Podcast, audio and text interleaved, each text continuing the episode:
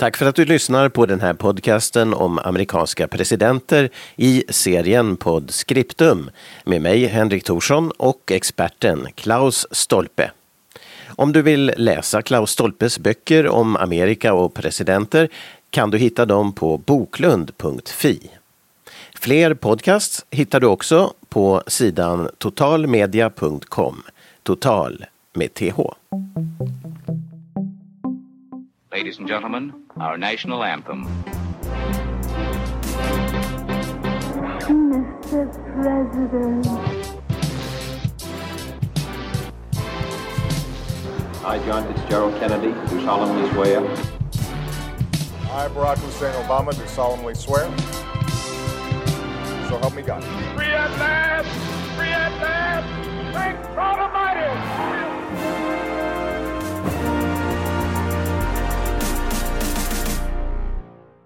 Välkommen till den här podcasten Mr President som eh, försöker sig på och förhoppningsvis lyckas att eh, ta sig igenom hela historien av amerikanska presidenter från början till nutid. Ja, vi håller på och vi är mitt i 1850-talet eller 1850-talets slut just nu. Och då kommer det här specialavsnittet som eh, du som lyssnar ska få lite, ja vad ska jag säga, lite bakgrund, lite laddning inför den stora presidenten Abraham Lincoln som står näst på tur. Och det är kanske också ett sätt för oss att lite spara på den här gottiga presidenten som ju betraktas som en av de bästa, kanske den bästa. Eh, ja, det här avsnittet är alltså ett specialavsnitt om det amerikanska inbördeskriget. Och som vanligt har vi med oss våran historiska expert och dubbeldoktor Klaus Stolpe. Välkommen med! Tack, tack, tack, tack. Och varför gör man liksom ett specialavsnitt om inbördeskriget? Du har gjort några så här Facebook eller Youtube-inlägg om det och du har, du har föreläst om det också. Varför, varför tycker du man ska avbryta en serie med presidenter och plötsligt ha ett sånt här specialavsnitt? Jag tror att man helt enkelt inte får ut lika mycket av det snack om de följande presidenterna om man inte vet någonting om inbördeskriget och liksom vilken enorm konflikt det var och det är ju ett, eh, liksom ett trauma i amerikansk historia att ja, och det, det liksom finns ju otaliga böcker och filmer och allting och det diskuteras fortsättningsvis. Ja, eh, ett, ett, ett av många exempel är att det finns en finns en podd som är inte förstås lika bra som vår naturligtvis, men att den heter Nej. väl The Civil War Podcast eller vad, vad den heter. Den är väldigt lätt att hitta. Alltså, senast jag Mm. kollade så var det de tre- 380 avsnitt och då hade de bara kommit Okej. fram till slaget vid Gettysburg 1863. Så det måste ju vara ja, men långt över 400 avsnitt innan de där är klara. Eller Ja, ja. närmare 500. Nå, I och för sig Gettysburg, så då, då är ju utan att går händelserna i förväg här, så att det är ju, det är ju alltså ett sånt där väldigt avgörande slag. Så då, efter det så förstår man ju att förstår väl de flesta att nordstaterna kommer att vinna, men att, menar, 380 avsnitt innan man kommer så långt är rätt häftigt. Ja, men det är det som är fantastiskt med en podd och vi, vi bara lyfter trekantshatten av för dem för att vi försöker ju liksom komma med, med 46 plus avsnitt här och, och när vi, det är ju maraton för oss att de har gjort ett enastående arbete och, och just det här att, eh, att, att, att liksom frossa i detaljer och gå igenom noga och prata och prata. Ja, det är podden, jag tycker det är underbart att höra, fantastiskt. Men eh, ska vi säga någonting om det här med att Först och främst var vi befinner oss nu och, och vilka president har vi just haft och som sagt Lincoln kommer snart. Och, och det här med partierna, lite grann bakgrunden, det vi har pratat om tidigare så vi fångar upp det här nu. Ja, alltså vi kan ju kort repetera lite om alltså, de som har varit presidenter under 1850-talet så är ju Jano Taylor i början, för att det är han som har blivit vald 1848, så dör 1850. Efterträds av sin vicepresident Millard Fillmore som försöker stryka sydstaterna medhårs och det går inte riktigt bra. Mer om det i ett separat avsnitt om honom. Sedan blir Franklin Pierce vald 1852, samma strategi, lika dåligt resultat. Så, sen blir det James Buchanan 1856, samma strategi, lika dåligt resultat. Och sedan då, då Lincoln vinner valet 1860 så bryta sig först South Carolina ur unionen. Sedan är det sex andra delstater så, som gör likadant.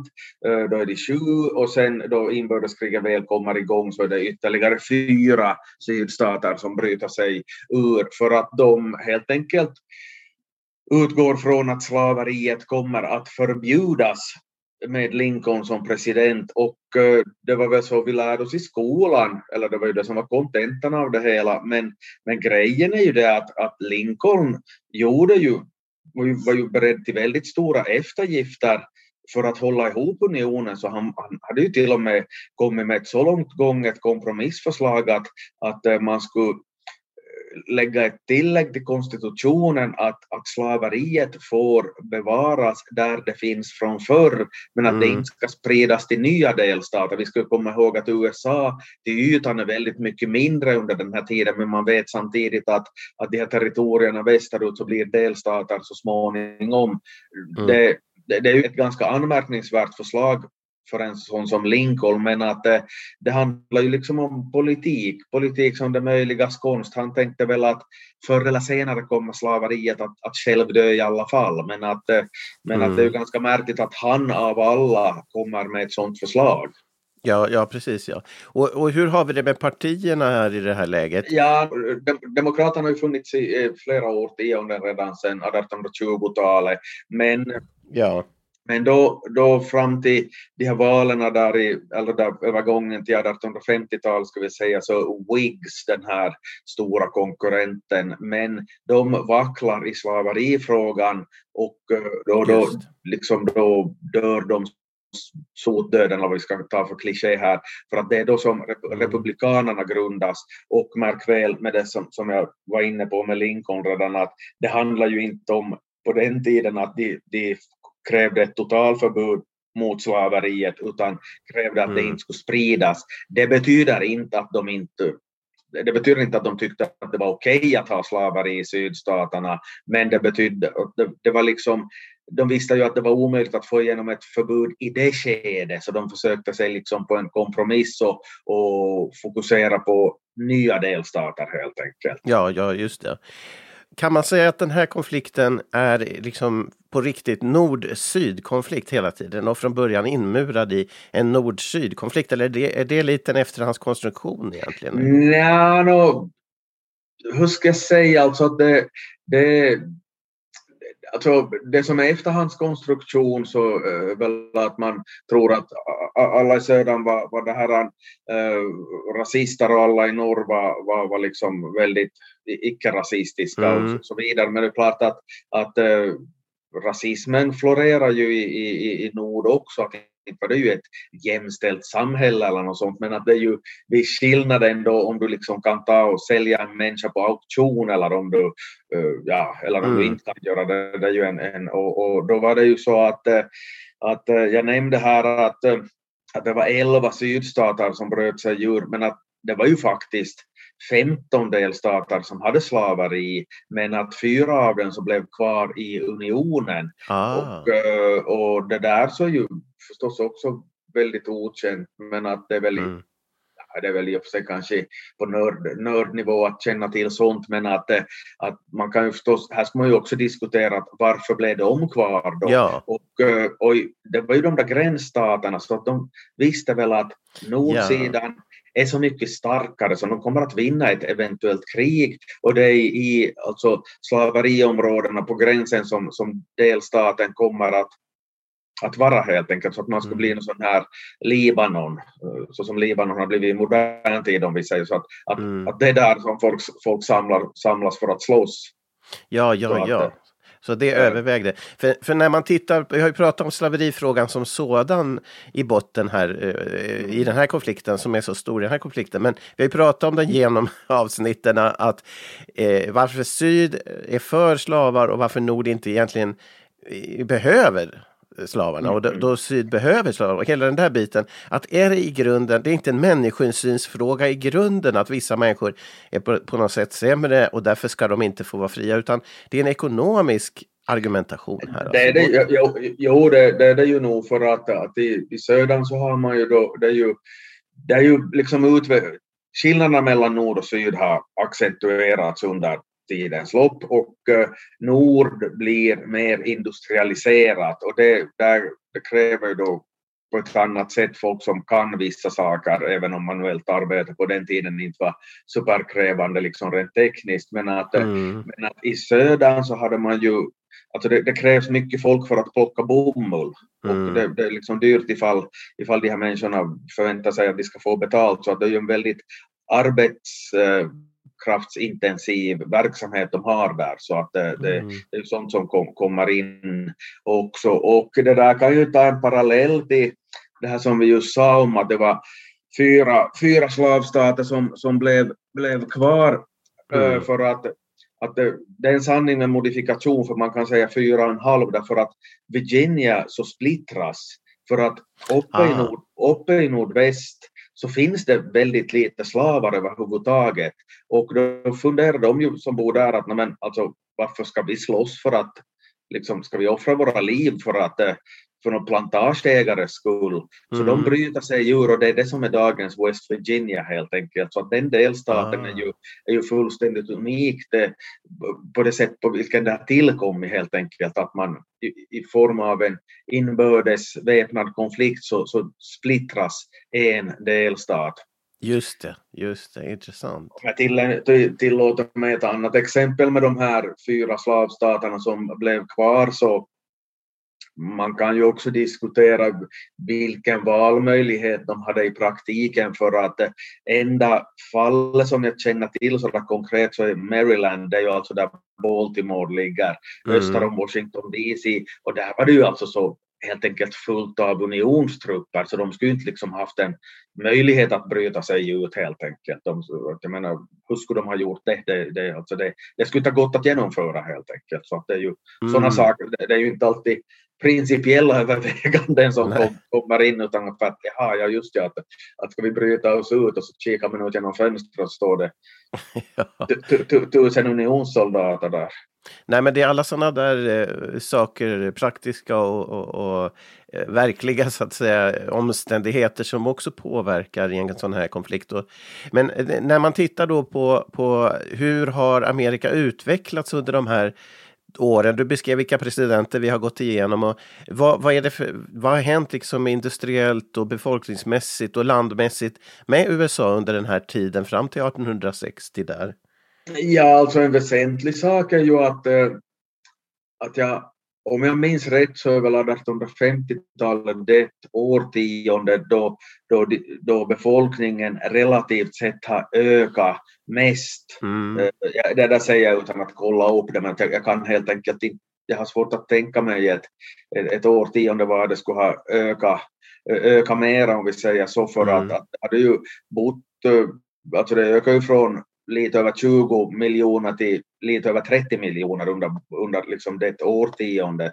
Eh, jag säger inte att det ökar med, med det här 50 procent, men att, med, att befolkningen måste väl ha ökat alltså i runda slängar med 40 procent, så att det, det, är ju mm. det, är ju en, det, är ju ett, det är ju ett ganska annorlunda land om, om befolkningen plötsligt är helt annan än, än vad den har varit tidigare. Att, att, och det är ju jag tror det var, ja, jag riktigt tänker efter var det var från 23 miljoner till 31 så att, att mm. men, men det, det, säger ju ganska, ganska mycket, mycket, eller det säger ju väldigt mycket ska jag, ska jag väl säga så att, att ja, 30, för, kanske, kanske inte fullt 40 procent men att en bra bit över 30 blir det ju i alla fall så att och, mm. och det där såg man ju också med, med sådana grejer som att att, att det kommer ett nytt parti som, som heter No Nothing Party, eller egentligen heter American Party, som uh, vände sig mot, uh, mot uh, invandring till exempel. Ja.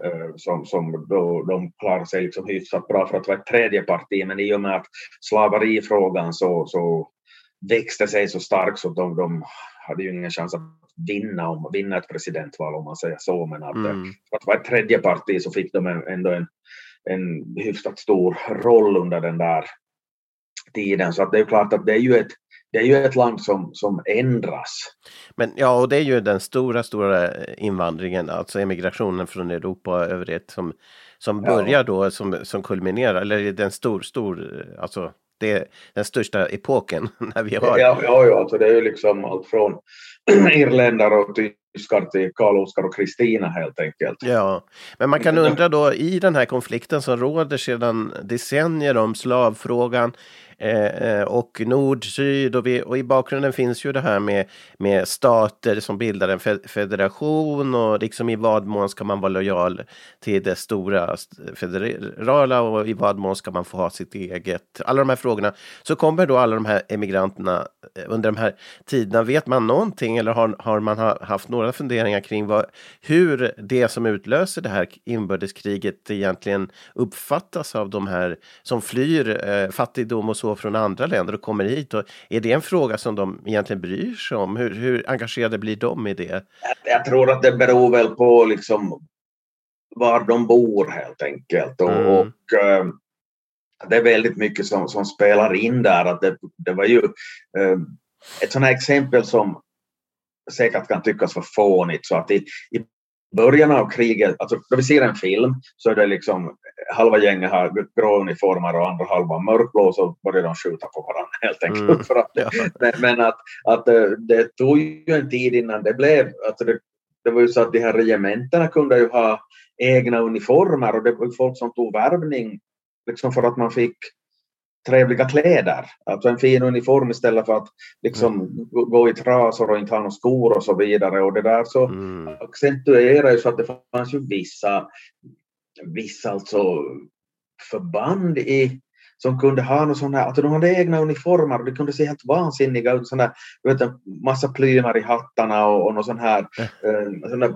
påsbyxor eller vad det heter som ser ut som sådana haremsvakter har i Turkiet eller något Mm. liknande. Det var som en, en märk, det vara väldigt roligt att se fler bilder från början av kriget vad, vad sen liksom redan vad folk gick klädda i och att sånt kunde locka. Så att, att Mm. det, jag menar bara att det kunde en uniform eller klädsel och mat för dagen så kunde det vara ett argument för någon som, som saknar dylikt, att det var kanske inte så mycket ideologisk övertygelse. Att, jag menar, om vi nu säger att man flyttar från, från uh, ja, landsbygden utanför Dublin eller no, någonting sånt. Så att man måste ju ha en ganska diffus uppfattning om vad slaveri är för någonting antar jag och liksom hur det ser ut i sydstaterna och, och, Mm. och så vidare. Och sedan så var det ju det här typiska som ju alltid är med krig, vare sig vi talar om första världskriget eller Putins angrepp på Ukraina eller sånt, att man trodde ju det skulle vara över på nolltid. Mm. Märk, märk väl på bägge sidor att, att, Ja. att, eh, ungefär att ja, vi börjar och så är vi hemma till, till, till, till skörden ska upp ur marken på hösten ungefär. Ja, Så ja, eh, precis. Man har ju en eh, väldigt naiv, vara en ganska, eller väldigt naiv syn på vad ett krig egentligen är. Ja, och just som du nämner att uniformerna lockar och att den här soldatens uppfattning av vad ett krig är och, och eller som vi ser i Ukraina också att de inte ens vet vad det är på, de är på väg till. Nej, Eh, eh, Så att hela den där delen är ju, är ju eh, typisk alltså att för Mm. man hade ingen aning om, ja, du, som du säger, det skulle vara ett kort krig och dessutom vet man inte vad ett krig är. Det är första Ja, gången ja. eh, det här typen av krig sker där i de, de trakterna och jag menar på länge i alla fall.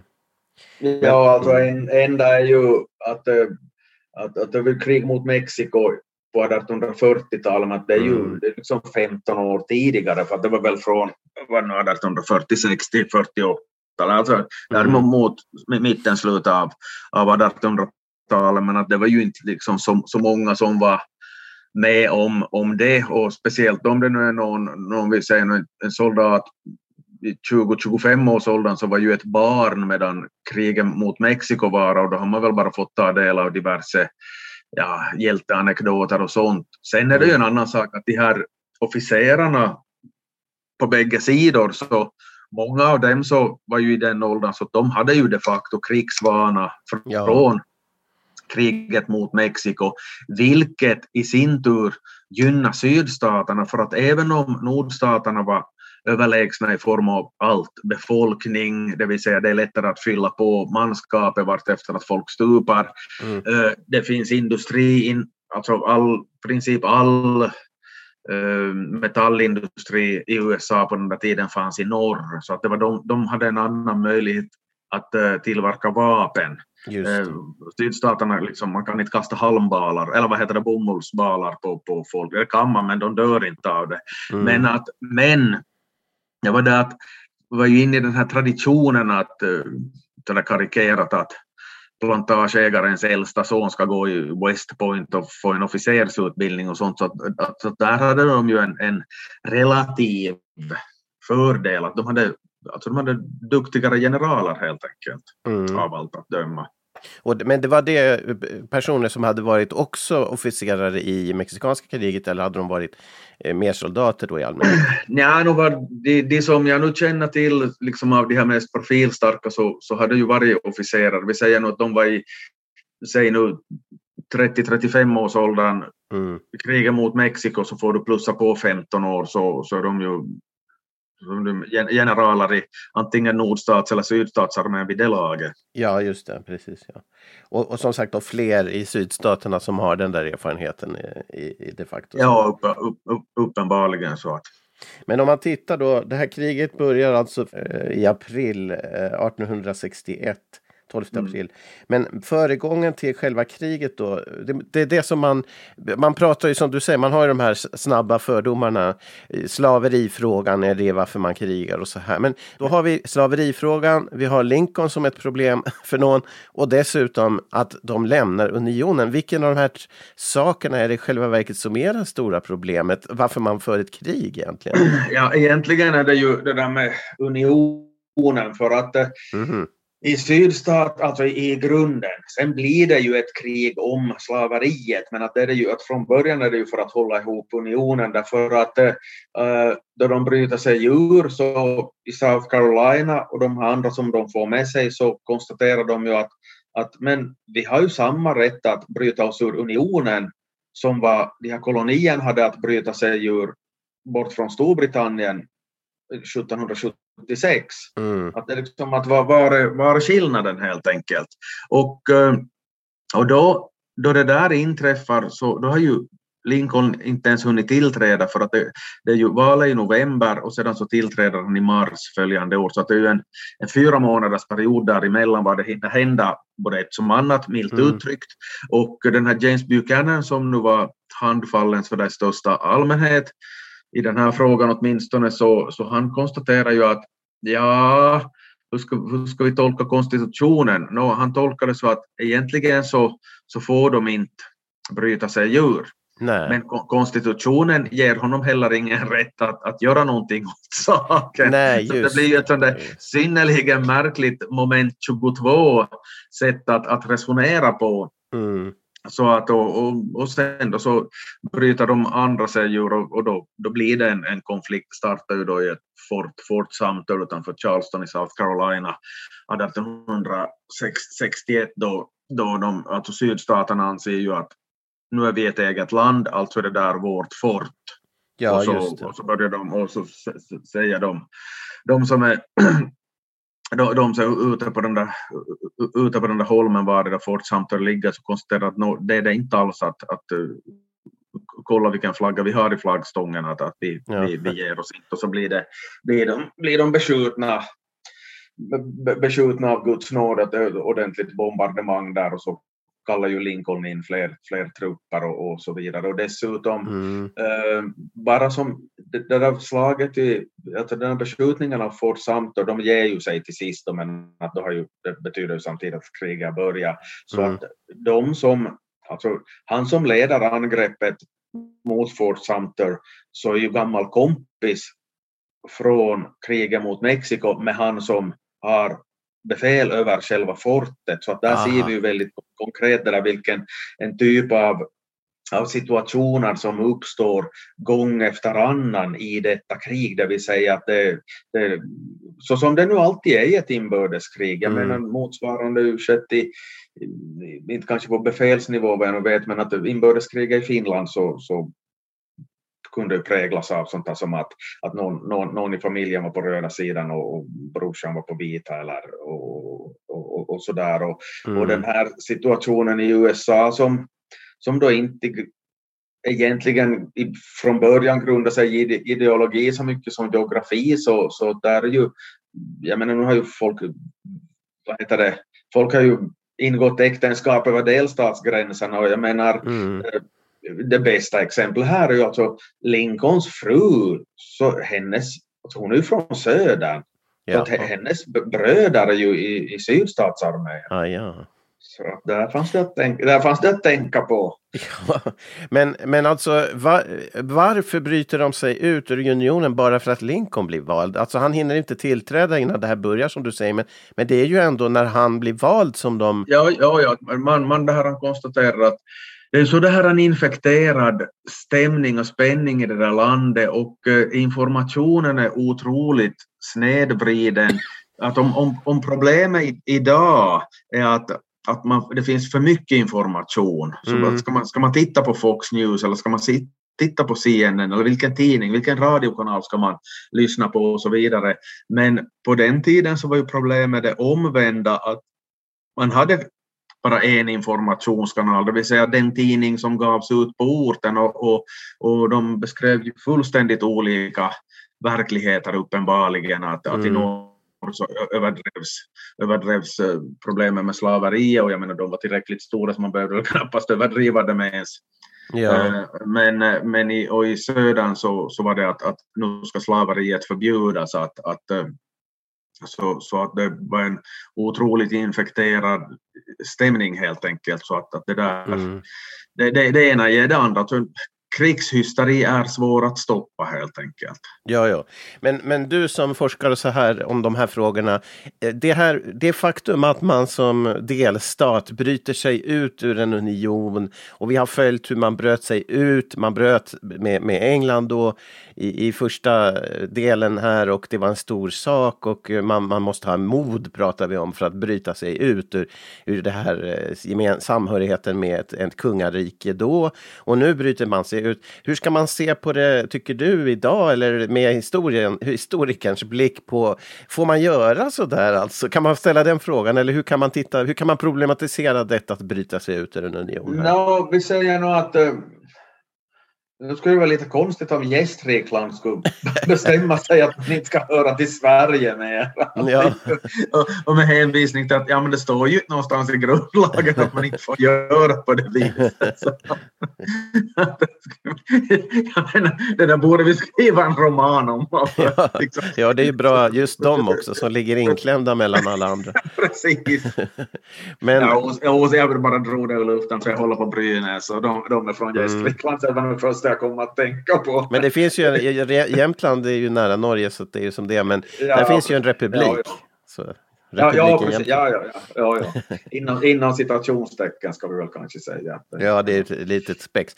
Men, men jag menar, det, det, för, men skillnaden här är ju att vi har kommit mycket längre histori i, i den så att säga, territoriella historien i Sverige. Och, och, och, jag menar, Finland bröt ju loss för inte så länge sedan från Sverige dessutom, men, men, men inte frivilligt. Men, men att Eh, ja, ja, jag, ja, från Ryssland frivilligt. Ja, jag tänkte på Ryssland. Ja, förlåt, jag trodde att du sa...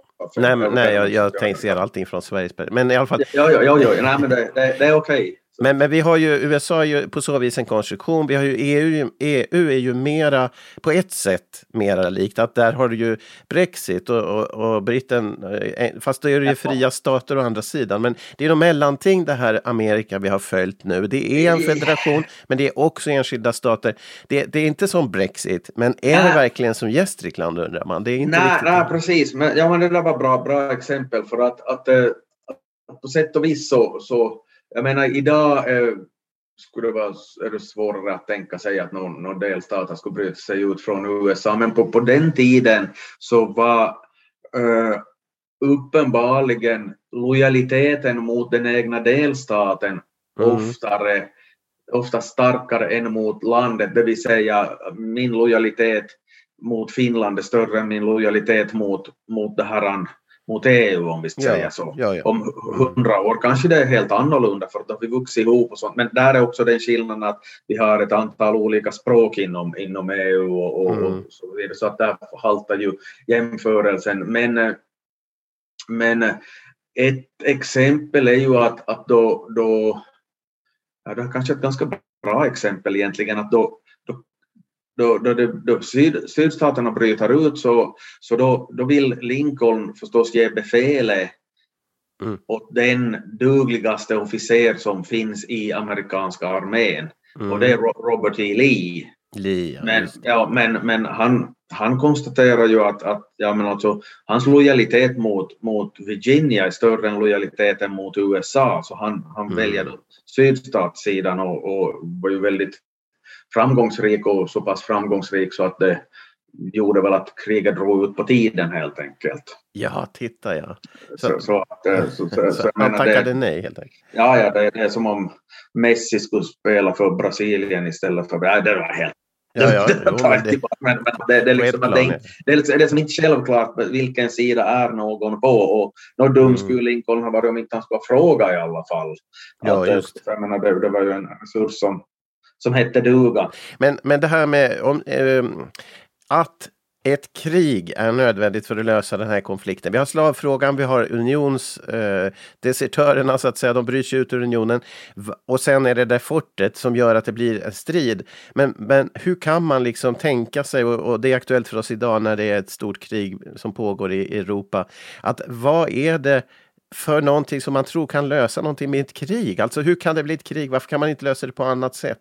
Ja, no, egentligen så gjorde han ju det Ja, med, med, att föreslå att, att, att hej, att ni får ha era slavar bara ni liksom låter bli att bråka i övrigt. Så att, så att han, han hade ju faktiskt ett, alltså det här med att, att han till och med föreslog ett tillägg till konstitutionen och så svårt som det är att ändra grundlagen i USA så, så Mm. skulle det, ta- då skulle, då skulle de ha haft slaveri ganska länge där. Alltså, Okej, alla andra länder slutar ju med slaveri i den där tiden men att man kan ju ställa sig den här frågan att hur länge skulle slaveriet ha funnits kvar om, om det här Lincolns förslag faktiskt skulle ha gått igenom, att man skulle ha Mm. kommit fram till en kom- kompromiss och, och mycket mer så skulle han ju inte ha kunnat, jag menar där gick han ju oerhört långt tycker jag. Att, Mm. Jag menar vad är nästa, nästa steg? I sådana fall skulle det vara, vara att, att, eh, liksom acceptera slaveri fullt ut även i nya delstater. Så att jag, jag Mm. förstår som inte... Jag tycker ju att han gick anmärkningsvärt långt. I, i Ja, det ja, precis, fallet. jag För förstår. Han, för att han var så villig att göra, göra så mycket för att det inte skulle bli ett krig. Ja, jo, jo. Och, och, men, och, men samtidigt är det i en tid också när man inte tänker på krig på samma sätt kanske som vi ändå någonstans gör idag. Jag menar, eh, det har hänt mycket sedan dess samtidigt som krig är eh, det man tar till. Men nu, hos oss i, i vår värld är det ju den som för ett krig aktivt, det är ju en galenpanna eller det är ju någonting, det är närmast terrorism av något slag. Även om det skulle vara USA som driver det i någon Syd, Sydamerika eller whatever så är det ju eh, liksom, det är ju inte sunt ungefär. Så har vi kommit, men det var inte så, riktigt så på den tiden. Nej, nej, nej, det var ju mer, mer, mer liksom något glorifierat på ett annat sätt ända tills man, ända tills man hamnar in i skiten helt, helt enkelt. Och, Ja, för, för om vi summerar kriget eh, innan vi går in och pratar mer i detalj, att det är ju det finns inget krig som amerikanska liv har, har skördats i den omfattningen som det i det här det blev sen, alltså, eller hur? Ja, alltså det var ju, jag menar vi ska komma ihåg att om befolkningen var lite över 30 miljoner så det är ju en tiondel av idag och det dör alltså över 600 000 så det är ju som Ja. om man skulle ry- ryka ihop idag och en, en, 7 miljoner skulle stryka med eller någonting i den där stilen. Så att det, är ju, det säger ju någonting om med den tidens vapen dessutom. Alltså det var ju inte frågan om liksom kärnvapen som man utplånar en hel stad med eller något, något sånt. Men att eh, så att det är ju, det är ju oerhör, o- oerhörda mängder med, med människoliv som, som, eh, som det här eh, krävs här och ehm, även om man tar plussar ihop alla andra krig som USA har varit inblandade i, liksom två världskrig och Vietnam och, och, och lite allt, allt möjligt, Mm. så, men då, då kommer ju, du har ju svårt att komma upp i den där typen av antal dödsoffer i, i, i, vilket fall som helst helt enkelt. Alltså att det är ju en, det är, alltså, det är verkligen enorm, enorma Ja. proportioner det handlar om. Ja, ja, verkligen eh, fasansfullt. Och det, men det här är ju sla, slagfältskrig i stort sett, eller hur? Visst, man har den gamla Ja. stilen med slagfält, så vi återkommer också egentligen första världskriget. Men, men det är inte det vi ser idag med, med civila områden i huvudsak som, som man angriper, utan det, det är härar mot härar, eller hur? I stort sett. Va? Jo, jo nej, men så, så är det ju liksom att man, för att hitta ett slagfält nu, ni anfaller därifrån och vi anfaller därifrån ungefär Mm. så att sen blir det någon sån här, liksom för att bryta ett dödläge så tar man och, och gör någon sån här sto, stormar fram och så stryker en massa människor med och då blir det förstås den anfallande sidan som får ju göra så får mycket fler dödsoffer. Och det, det är ju också Mm. intressant att, Mhm. att eh, eh, för att jag menar om vi nu säger att, att eh, du har ju, om, om du och jag börjar om och jag hamnar i en väpnad konflikt med varandra för att vi vill ha samma ku- kulle så att Ja. om du sitter uppe på, uppe på ja precis om du sitter uppe på kullen så du har ju en viss fördel att sitta där och ta skydd bakom en sten och skjuta på mig då jag kommer springande upp för kullen helt Mm. enkelt så att det är lite jag har lite dåliga odds redan från början Mm. och, eh, och sedan är det ju en annan grej att, vilket kanske låter konstigt, eller all, allting låter väl konstigt som vi snackar om, om här antar jag för att det är en bizarr, bizarr situation men att, att det, det är ju alltså ändå fler som dör på den vinnande sidan. För att, Aha, att, för att det, det, är, det är så att eh, eh, nå, större delen av striderna försiggår ju på, på sydstatsterritorium och man är lite mer motiverad ifall man försvarar sin fosterjord medan den angripande sidan kanske funderar att vad gör jag här, här egentligen? Eh, Mm. Ukraina 2022. Eh, Mm. Jag tänkte, då det väl drog igång så tänkte jag att "Nå, men det där tar väl ryssarna på några dagar.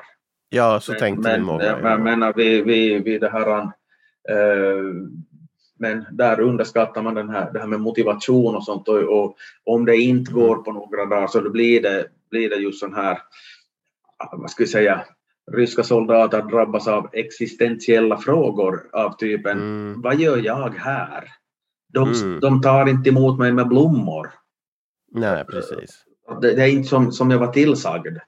Att det här är Mm. konstigt. Så att, så att det var ju, ja det där, alltid då man, det är tal om, det är svårt att få exakta siffror naturligtvis, speciellt från, från krig förr i tiden, men att det var, alltså, om vi säger att det, är ungefär 300 000 döda av sydstatsstyrkorna så är det en, en bra bit över 300 000 döda från nordstatssidan, så det är ju inte enorma skillnader, men i alla fall Mm. att det är ju lite, lite märkligt att tänka sig att eftersom så besegrat som södern sen är i grunden så det är lite speciellt ändå att det, att det är det här fler döda på nordstatssidan. Det kanske man inte skulle tänka sig sådär rent, rent spontant.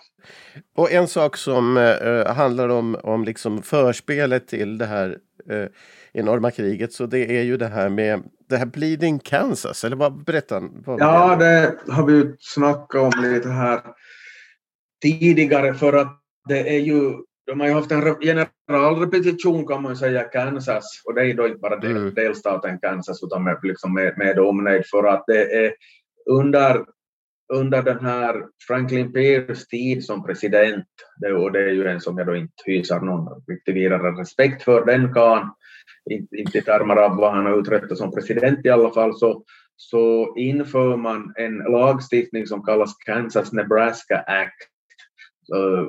Uh, Kansas-Nebraska-lagen som vi då Mm. tänker på som två, små, två delstater idag, Kansas och Nebraska, men det är ju två jättestora territorier. Det är ju en, alltså en stor del av mellersta delen av USA. Och det där Kansas-Nebraska Act så innebär att, att eh, eh, vartefter att det kommer nya delstater där i de där, i de där territorierna så ska de själva få besluta om om de ska ha slaveri eller inte. Och, och då, då, då, det- då Kansas ska liksom grundas som delstat eller bildas som delstat eller utformas eller vilket ord man nu vill ta så, så, så far det ju dit såväl slaveriförespråkare som slaverimotståndare för att så, så att säga säkra ett beslut i den ena eller den andra riktningen och, och de, där bör, de där ryker ju ihop helt enkelt. Så att, att det, det är ju ett, Mm. så att man har ju en försmak av inbördeskriget redan, in, inte ens hos Lincolns eh, företrädare utan han som är före, företrädaren, alltså redan i mitten av 1850-talet. Mm. Men det här med, med slaveri och den där Dixon-linjen vi pratade om tidigare, hur var det med det nu?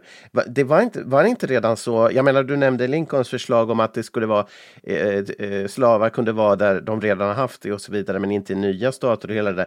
Men fanns det inte redan den där nord, nord-syd-linjen som gjorde Ja, att... i praktiken ju alltså. Det, det var nämligen, det finns något som heter uh, Mason-Dixon-linjen. Uh, Mm. Och eh, det, det anses som säga, gränsen mellan, mellan det här eh, nord och syd. Och det handlar helt enkelt om två, två geografer som, som var de, var de brittar till och med, men sak samma, men att de, de liksom skulle slå fast var gränserna gick mellan, mellan två delstater, om det var Pennsylvania i norr och vilken det var. så att, att, att, så att där, det, det blev alltså en i, i praktiken en, en, en gräns där då mellan, mellan några delstater som, som då också blev gränsen för var slaveri fanns och inte fanns helt enkelt. Och, och, Mm. Men det var, inte en, eh, det var inte det som var den där kompromissen 1850? Nej, nej, nej, nej, nej, nej. Ja, det var en linje som liksom hade kommit, kommit av helt andra anledningar, men att den råkade nog sammanfalla sen med var gränsen gick mellan, mellan slaveriområdena och, och, och så vidare. Så att, men att, eh, att eh, den där lagstiftningen 1850 så var ett, som du nämnde, så var ett, ett lagpaket eh, som den här Fillmore, så- alltså han som tillträdde 1850, eh, arbetade igenom i kongressen och eh, det var alltså en fem, sex olika lagar som, som klubbades igenom samtidigt och det, var- det var tänkt som en kompromiss helt enkelt.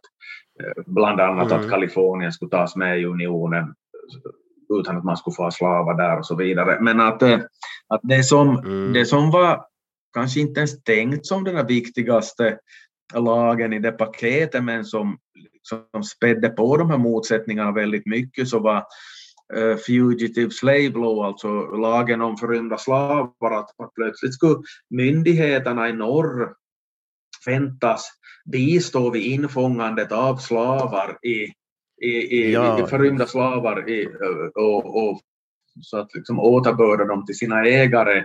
Och det där så, så gjorde att alltså, folk i norr fick en mer bestämd uppfattning om, om slaveriet för att man, man, många kanske inte brydde sig så mycket om det tidigare för att det var inte någonting som nu var en del av ens vardag egentligen. Och jag menar, vi hade, man Mm. hade ju inte liksom TV och allt, allt det där så att man, man blev ju inte påmind om det heller så, så riktigt mycket. Men att plötsligt så, Mm. så kände man sig på något vis degraderade till slavjägare och det var folk inte bekväma med så att det där så, så gjorde att, att, att man tog ett ganska långt kliv närmare ett inbördeskrig trots att presidentens och de beslutsfattarnas tankegång kring det hela var att det skulle liksom avblåsa det hela och, och, och, och liksom, ja, få ett, få ett slut på den här tilltagande splittringstendensen. Mm. Eh, men då, vi har några andra saker som eh, föregår här som vi måste bara kartlägga lite och påminna oss om. Eh, och det är det här med Charles Sumner eh, och eh, hans släkting. De här, de här politikernas eh, hit och dit häcklande av varandra och av slaveriet.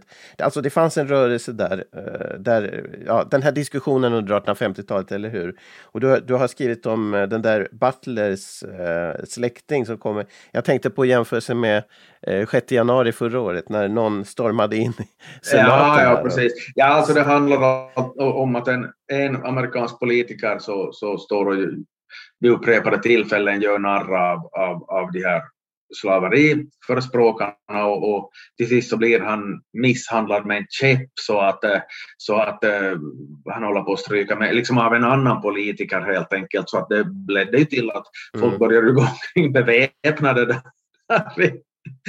i, i, kongressbyggnaden, alltså de här politikerna själva. Och, och, i, och det här, Mm. I, i sydstaterna så tyckte man ju att den här som tog till käppen så, så det var ju en riktig karl som vågade, vågade stå för någonting och inte bara prata skit så att det blev liksom gav ju upphov till ett mode att man började gå med käpp, alltså, fast man inte hade gått med käpp innan för att det var sånt så coolt att Aha. associeras den där to- tokstollen så liksom mitt under, mitt under en session i, i, i, i den här kongressen så liksom går igenom och stryker efter noter så han håller på att stryka med. Så att det är ju, Mm, ja, men våld, eh, sådana här uppviglingar i, i kongressbyggnaden är ju alltså inte något helt nytt då med andra Nej, ord, även om nej, man är van med kostymklädda byråkrater i första hand. Men, Ja, ja, ja nej, det, det, det, det. och sen har vi pratat om förut det där Dred Scott-fallet också, det kanske man också bör nämna här.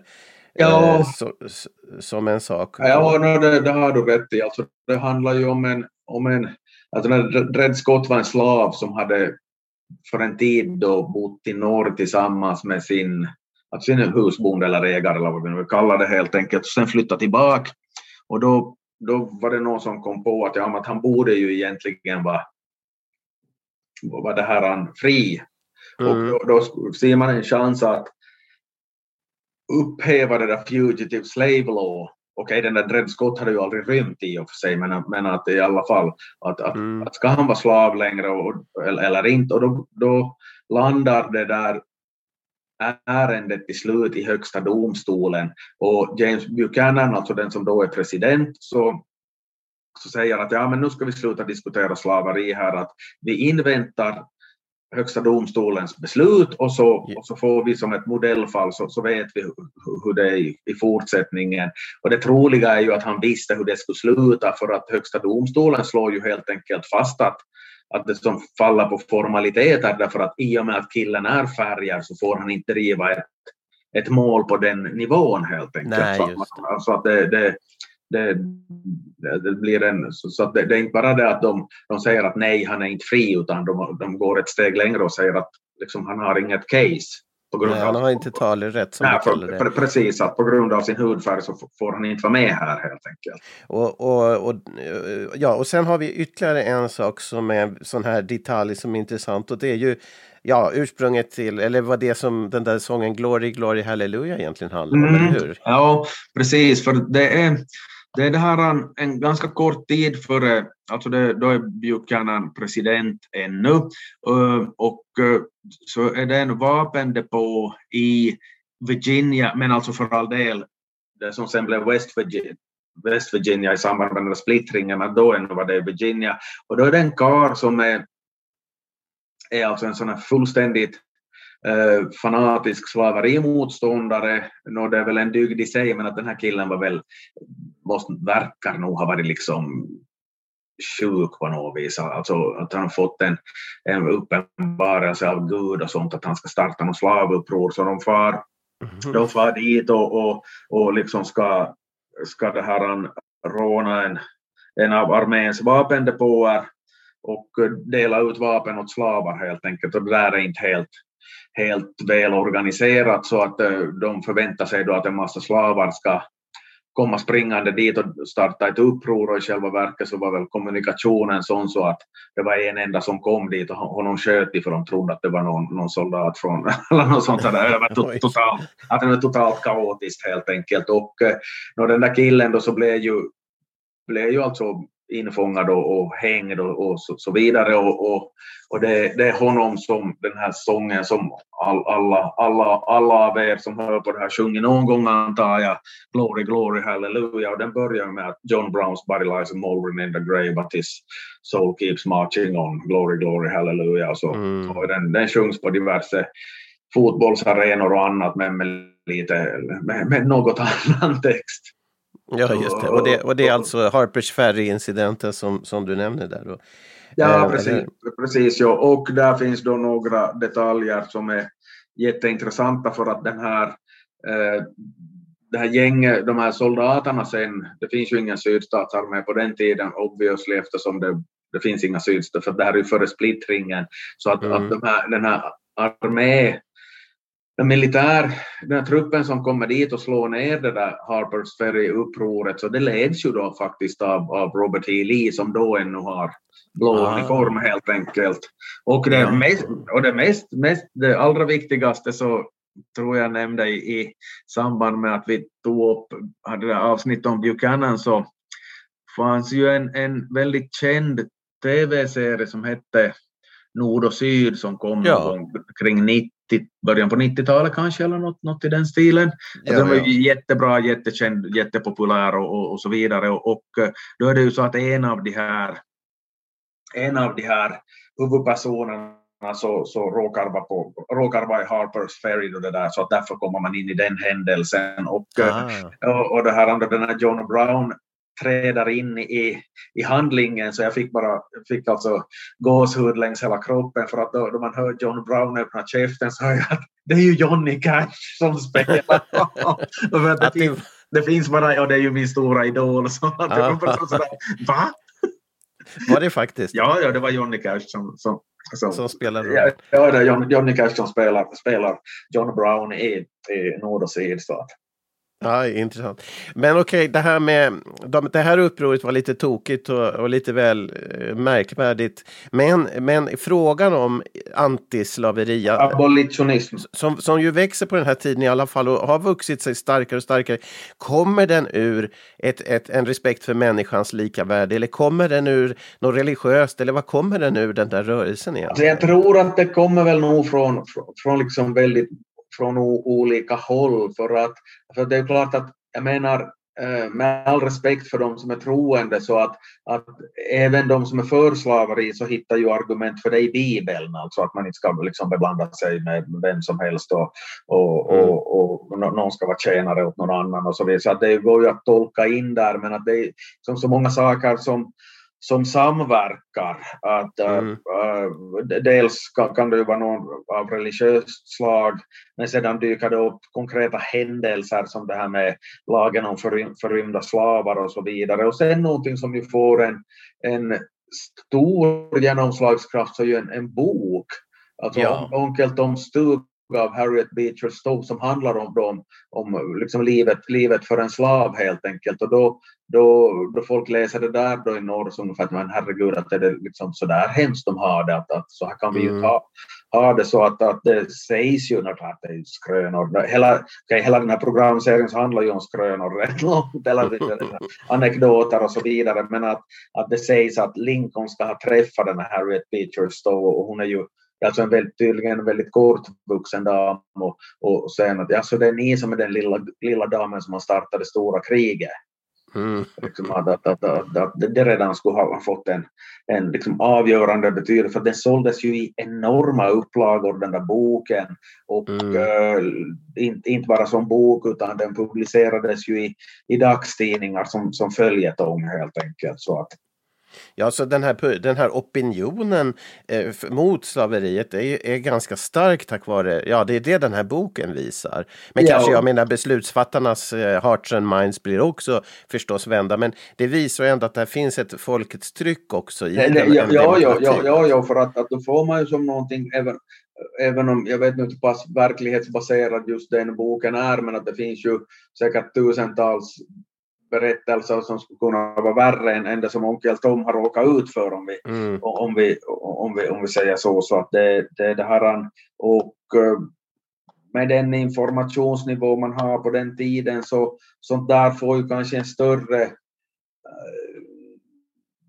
större betydelse än vad vi kan förstå för att det, det är ju som inte i och med att vi har inte de här tv eller radiokanalerna eller, eller något Mm. sånt. Ja, okej, man har de här dagstidningarna som är, som är, är det här um, ganska partiska och så vidare men att det kommer något sånt där, det där får ett det ger ett tilläggsvärde för att då, är det en roman som man kan läsa och, och, och liksom försöka sätta sig in i, i, Mm. i, i, i saker och ting. Att jaha, okej, det, det är liksom på det här viset det går, går till. att Fy så hemskt. Att man, man, liksom, då man, det är en sak om du hör någonting, att oj, har du hört att, att de piskar slavar i södern och är elaka med Mm. dem och, och, och så vidare. Men att om du sätter dig ner och läser en sån där bok, eller alla kunde väl kanske inte läsa och skriva, men kanske var högläsning eller någonting sånt.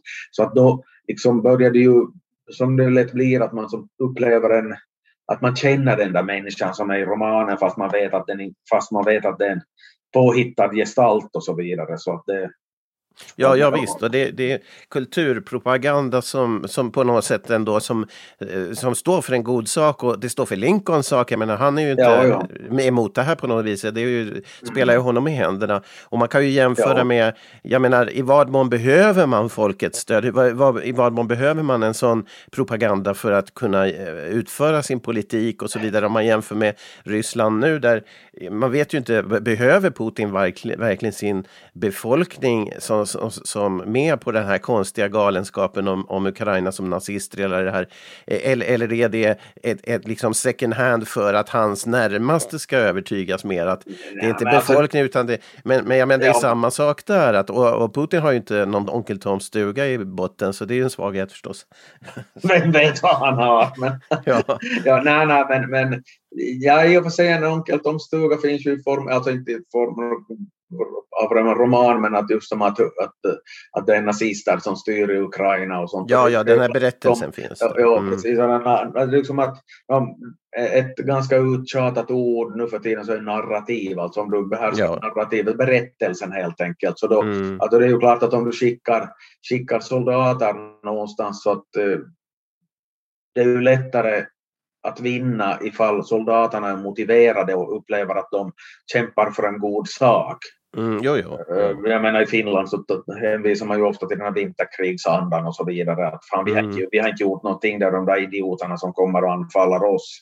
Och, Nej, nej, visst. Och- och och- Ukraina och- samma sak. Ja, precis. Så att, att man, man upplever att det är för någonting rätt. Det är någonting, det är någonting rätt man gör och, och så är det ju.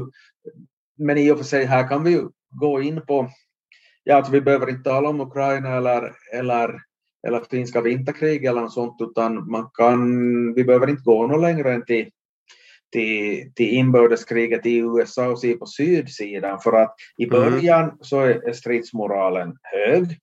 Man tycker att vi har ju rätt att göra på det här viset därför att man har ju inte läst någonting annat i tidningen. Det är ju den, det är den versionen man har fått höra att vi har all rätt att leva som vi, vi, vi gör och ha Mm slavar och så vidare. Och nordstaterna så de vill oss bara illa och Lincoln eh, är ett as och, och, och, och så vidare. Så att i, i början så, så funkar det ju bra och det går ju också bra för sydsidan. Men i längden så, så ser man ju då att nordsidan har lättare att, att fylla på uh, fylla på manskap, de har lättare att liksom bygga vapen och så vidare. Men dessutom så blir det ju uppenbart i något skede att, att det är den fattiga mannen som för den vita mannens krig. Vita, ja, no, det också. Fattiga mannen som för den rika mannens krig för att, att, eh, Mm. att, eh, att de, här som, de här rika då i sydstaterna så då, då man börjar kalla in folk till armén så om man äger tillräckligt mycket slavar så behöver man inte så behöver man inte göra militärtjänst. Mm. Vilket, ju, vilket ju är lite paradoxalt. Det motiveras alltså med att risken för slavuppror på plantagerna så att de måste vara hemma och vakta slavarna. Men att, att det, eftersom det mer och mer efterhand blir slaveriet som är den fråga som kriget gäller så blir det ju lite konstigt att, att de som inte äger slavar är de som förväntas åka till Gettysburg eller Antietam och, och, och, och, och, och offra livet. Detta, Mm.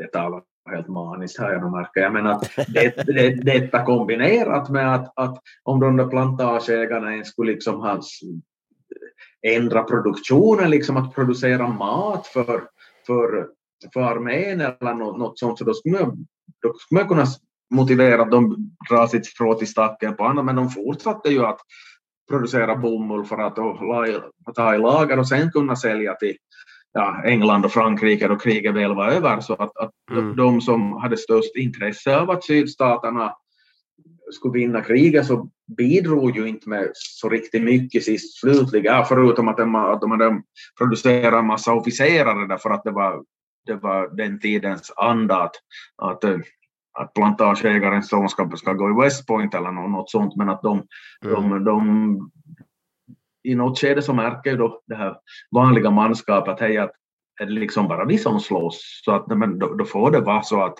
att då fick man ju efterhand större problem med deserteringar och sånt om man helt enkelt såg vad ett krig innebar. För att i, i, i början så hade ju folk en väldigt konstig uppfattning om, om vad ett krig är och, och det här kanske bästa exemplet så var då när vi var inne på här att, att kriget började vid Fort Sumter men eh, men, men det första sådana här stora slaget så var vid ett ställe som heter Bull Run, kallas också Manassas Creek, alltså efter flod, floden, flodfåran mm. där man höll på. Och, och det var, det var en, en bit söder om Washington DC, om huvudstaden, men det var ganska nära och det var omgivet av kullar och, eh, och det här fint folk, societetsfolk som packade picknickkorgarna och ja. med, med droskan och parkerade sig runt i de kullarna för att,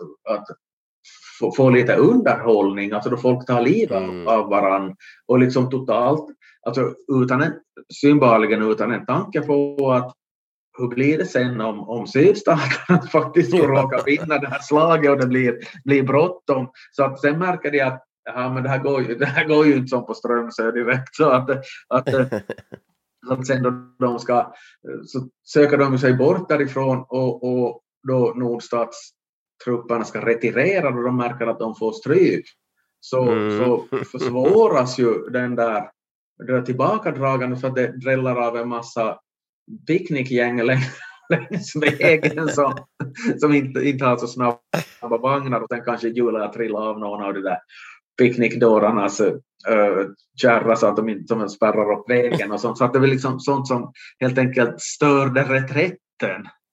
Ja, det är fantastiska bilder. Och som sagt, det här är en väldigt viktig händelse i, i USAs historia och för, för oss som vill hålla lite på Lincoln och samtidigt sprida kunskapen om det här samhället som finns när han tillträder och under hans första tid. Så vi tar alltså att återkomma i ett en del till om mera detaljer om det här eh, inbördeskriget som ju var eh, fasansfullt för Amerika och eh, stora förluster och innehåller många också anekdoter.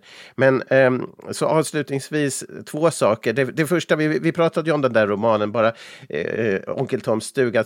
Tror, du, tror du på riktigt att den, om man ser framför sig det, att någon har läst den som sitter i, i, styr, i, i kongressen eller så här, har, har läst den och så nej nu och slår näven i bordet och så går de in och tänker nu ska vi ta, starta ett krig. Alltså, kan det ha varit så att, att det, den har en sån effekt som Lincoln? Ja, alltså, ja, äh, påverkar väl det kan ju förstärka liksom de uppfattningar mm. man har från förr och sen också inte, inte bara med en enskild politiker utan om det blir ett, vi, vi tänker oss en, en tidningsutgivare som har läst den där boken. Så, men, och, och han reagerar och sen så börjar han äh, berätta åt folk att, att, att vet nu hur det faktiskt går till där i södern och, och läs den här boken, den är jättebra, för övrigt så ska vi börja publicera den och så vidare. Så att det är ju, det är ju någonting mm. som förstås sker gradvis, inte så att, att någon enstaka politiker tycker att, att äh, låt, låt sydstaterna sticka iväg